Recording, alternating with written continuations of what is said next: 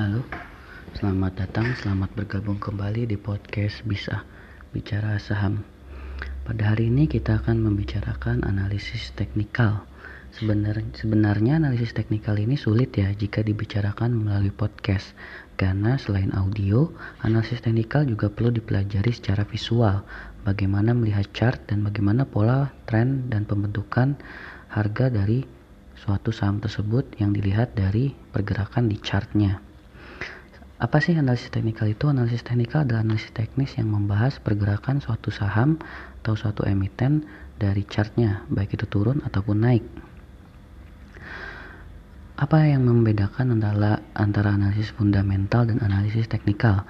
Analisis fundamental lebih menjelaskan kepada bagaimana perusahaan itu menghasilkan keuntungan dan seberapa mahal atau murah perlu harga dari saham perusahaan tersebut.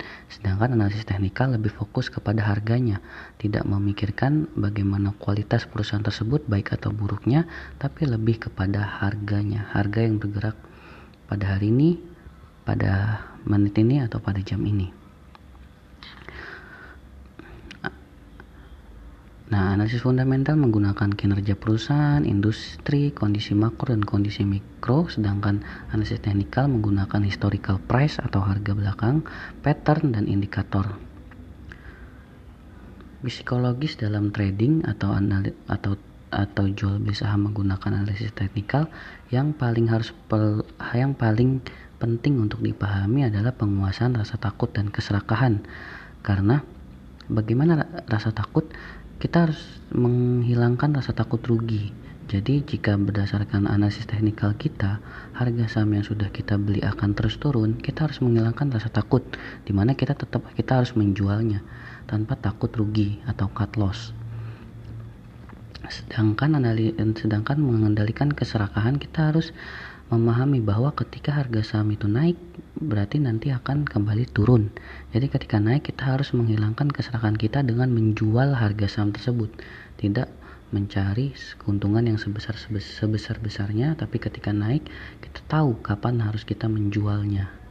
Jangan pas saat naik kita tunggu wah ini akan lebih naik lagi, bakal lebih naik lagi ternyata yang terjadi malah turun, bukannya untung malah buntung seperti itu.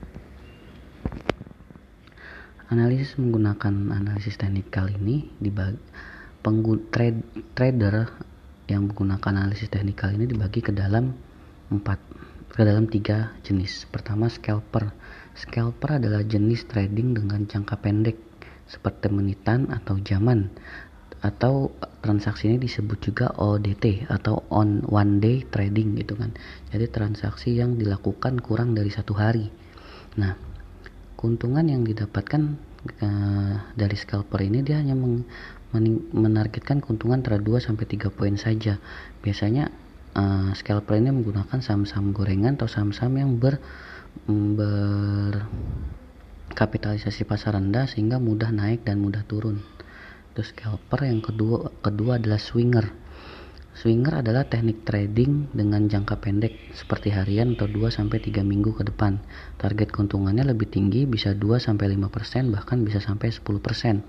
Swinger ini adalah uh, teknik trading bagaimana dia mendapatkan harga terendah atau harga yang mendekati supportnya lalu membeli dan menjual dalam waktu beberapa minggu atau beberapa minggu ke depan dengan target keuntungan hingga 10% itu dan yang ketiga yang terakhir adalah investor adalah trading dengan jangka panjang seperti bulanan atau 2 sampai 3 tahun dengan target keuntungan di atas 50%. Nah, untuk analisis teknikal ini pertama menggunakan chart. Chart itu juga dibagi menjadi tiga. Chart garis atau line chart, chart bar, dan chart candlestick. Nah, pertama line chart. Line chart itu hanya menggunakan chart yang menghubungkan antara uh, nilai harga penutupan dari hari ke hari line chart. Sedangkan bar chart ini menghub, uh, chart yang menggambarkan pada hari itu harga penutupan dan pembukaannya. Yang berbeda adalah candlestick di mana candlestick itu menggambarkan harga tertinggi harga terendah harga pembukaan dan harga penutupannya. Nah harga tertinggi jelas yang paling atas ya sedangkan harga terendah yang paling bawah. Bedanya uh, bagaimana melihat harga pembuka dan harga penutupannya? Jika, uh, jika suatu candlestick itu grafiknya naik berarti yang kotak di bawah itu itu harga pembuka. Dan kotak yang di atas itu itu harga penutup. Sedangkan kalau misalnya dia turun berarti kotak yang di atas harga pembuka dan yang di bawah adalah harga tutup. Seperti itu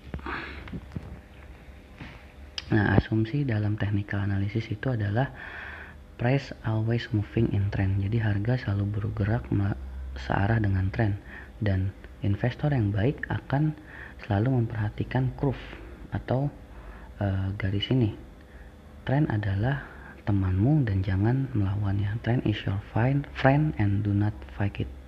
Jadi kalau kita melihat bahwa harga suatu saham secara teknikal itu bergerak turun, kita jangan melawan. Oh nanti bakal naik nih. Oh nanti bakal naik nih. Jangan. Tapi kita jual, kita cut loss. Kalau memang masih tertarik dengan saham itu, kita tunggu di bawah. Seperti itu. Jangan melawan tren. Seperti itu. Nah, beda selanjutnya adalah support dan resisten support support dan resisten kita secara bahas kita terangkan secara bahasa itu ya. Support itu yang membantu resisten itu yang melawan. Itu ya itu kalau secara bahasa. Nah secara analisis teknikal ini pengertian apa sih?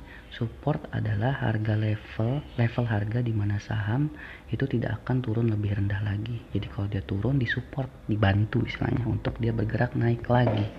Itu pengertian secara mudahnya ya. Nah sedangkan resisten adalah harga level di mana saham secara historis ah, tidak akan naik lebih tinggi lagi jadi ketika harga saham naik dia dihalangi atau di resisten sehingga tidak akan naik lebih lagi Bagaimana cara mencari garis support dan garis resisten? Yaitu kalau garis support menghubungkan dua garis horizontal pada posisi terendah di level tertentu, sedangkan resisten menghubungkan dua garis horizontal tertinggi pada level tertentu. Gitu. Kalau support rendah, resisten tertinggi. Bedanya gitu ya.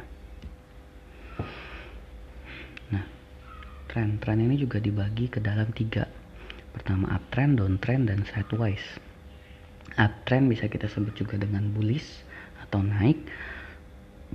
Downtrend adalah kita kita sebut juga dengan bearish atau turun dan sideways yang dia tuh datar. Dalam satu pergerakan baik itu uptrend ataupun downtrend ataupun sideways sekalipun pasti ada pergerakan atas dan bawah. Jadi tidak mentang-mentang dia lagi uptrend dari naik, naik terus selama beberapa hari tapi dia akan naik turun naik turun naik turun. Nah ini disebut dengan ketika dia uptrend dan dia turun ini disebut dengan koreksi. Kalau downtrend ketika dia turun tapi ada naiknya itu juga disebut dengan koreksi. Koreksi harga saham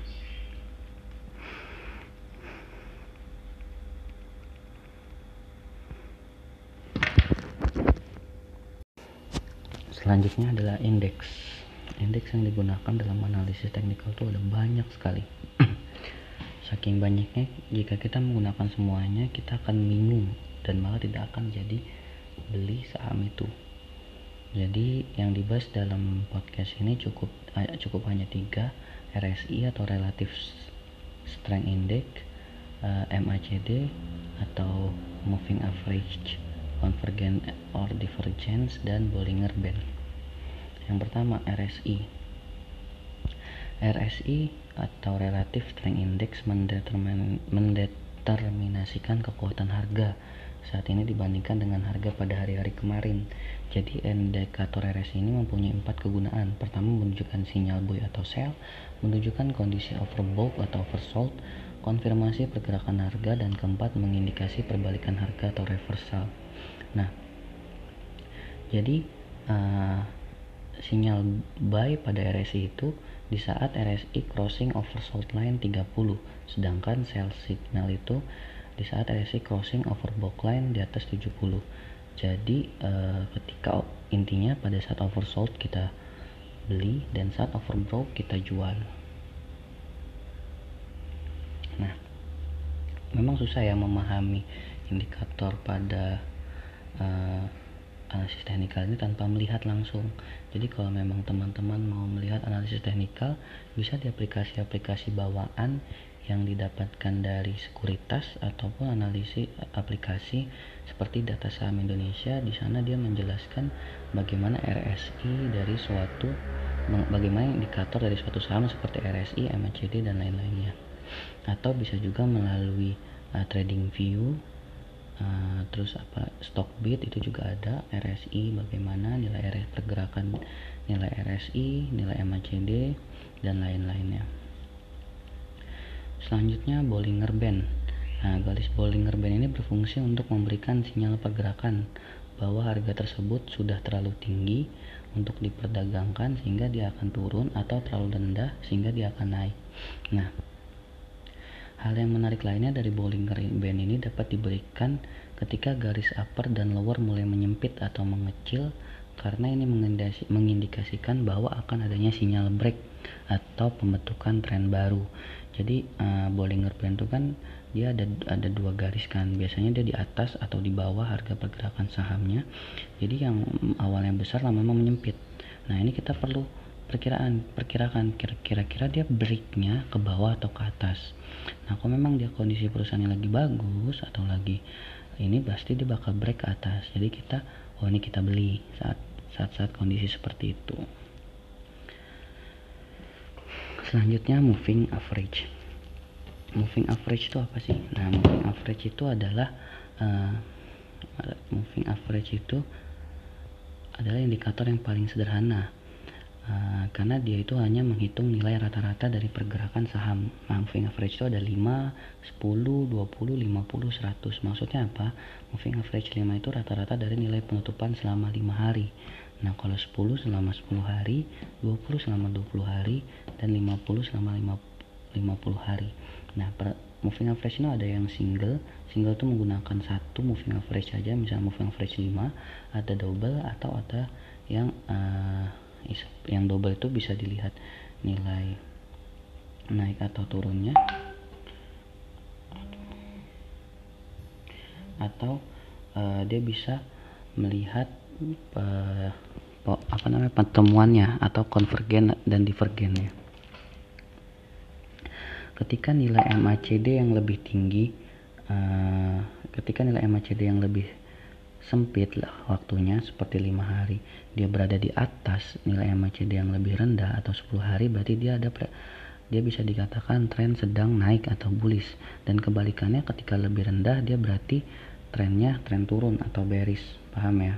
Nah, ketika terjadi pertemuan antara nilai MACD yang lebih rendah atau lebih uh, lebih rendah waktunya dengan yang lebih tinggi waktunya, itu me menandakan bahwa terjadinya convergence. Nah, ini menunjukkan bahwa adanya sinyal untuk membeli. Nah, periode yang digunakan pada MACD ini yaitu ada short term periode untuk 12 hari dan long term periode untuk 26 hari. Jadi ketika ada pertemuan, nah itu menandakan bahwa uh, ada sinyal untuk membeli. Nah, sekian untuk pembahasan analisis teknikal pada minggu ini. Kita akan bertemu pada minggu depan lagi. Untuk analisis sudah selesai ya. Jadi yang sebelumnya kita membahas pengenalan pasar modal, analisis fundamental dan analisis teknikal. Sekarang nah, yang ke depan minggu depan kita akan bertemu lagi untuk membahas isu-isu hot terkini di dunia pasar modal menurut pandangan saya sebagai investor retail. Sekian, sampai jumpa lagi minggu depan. Salam cuan.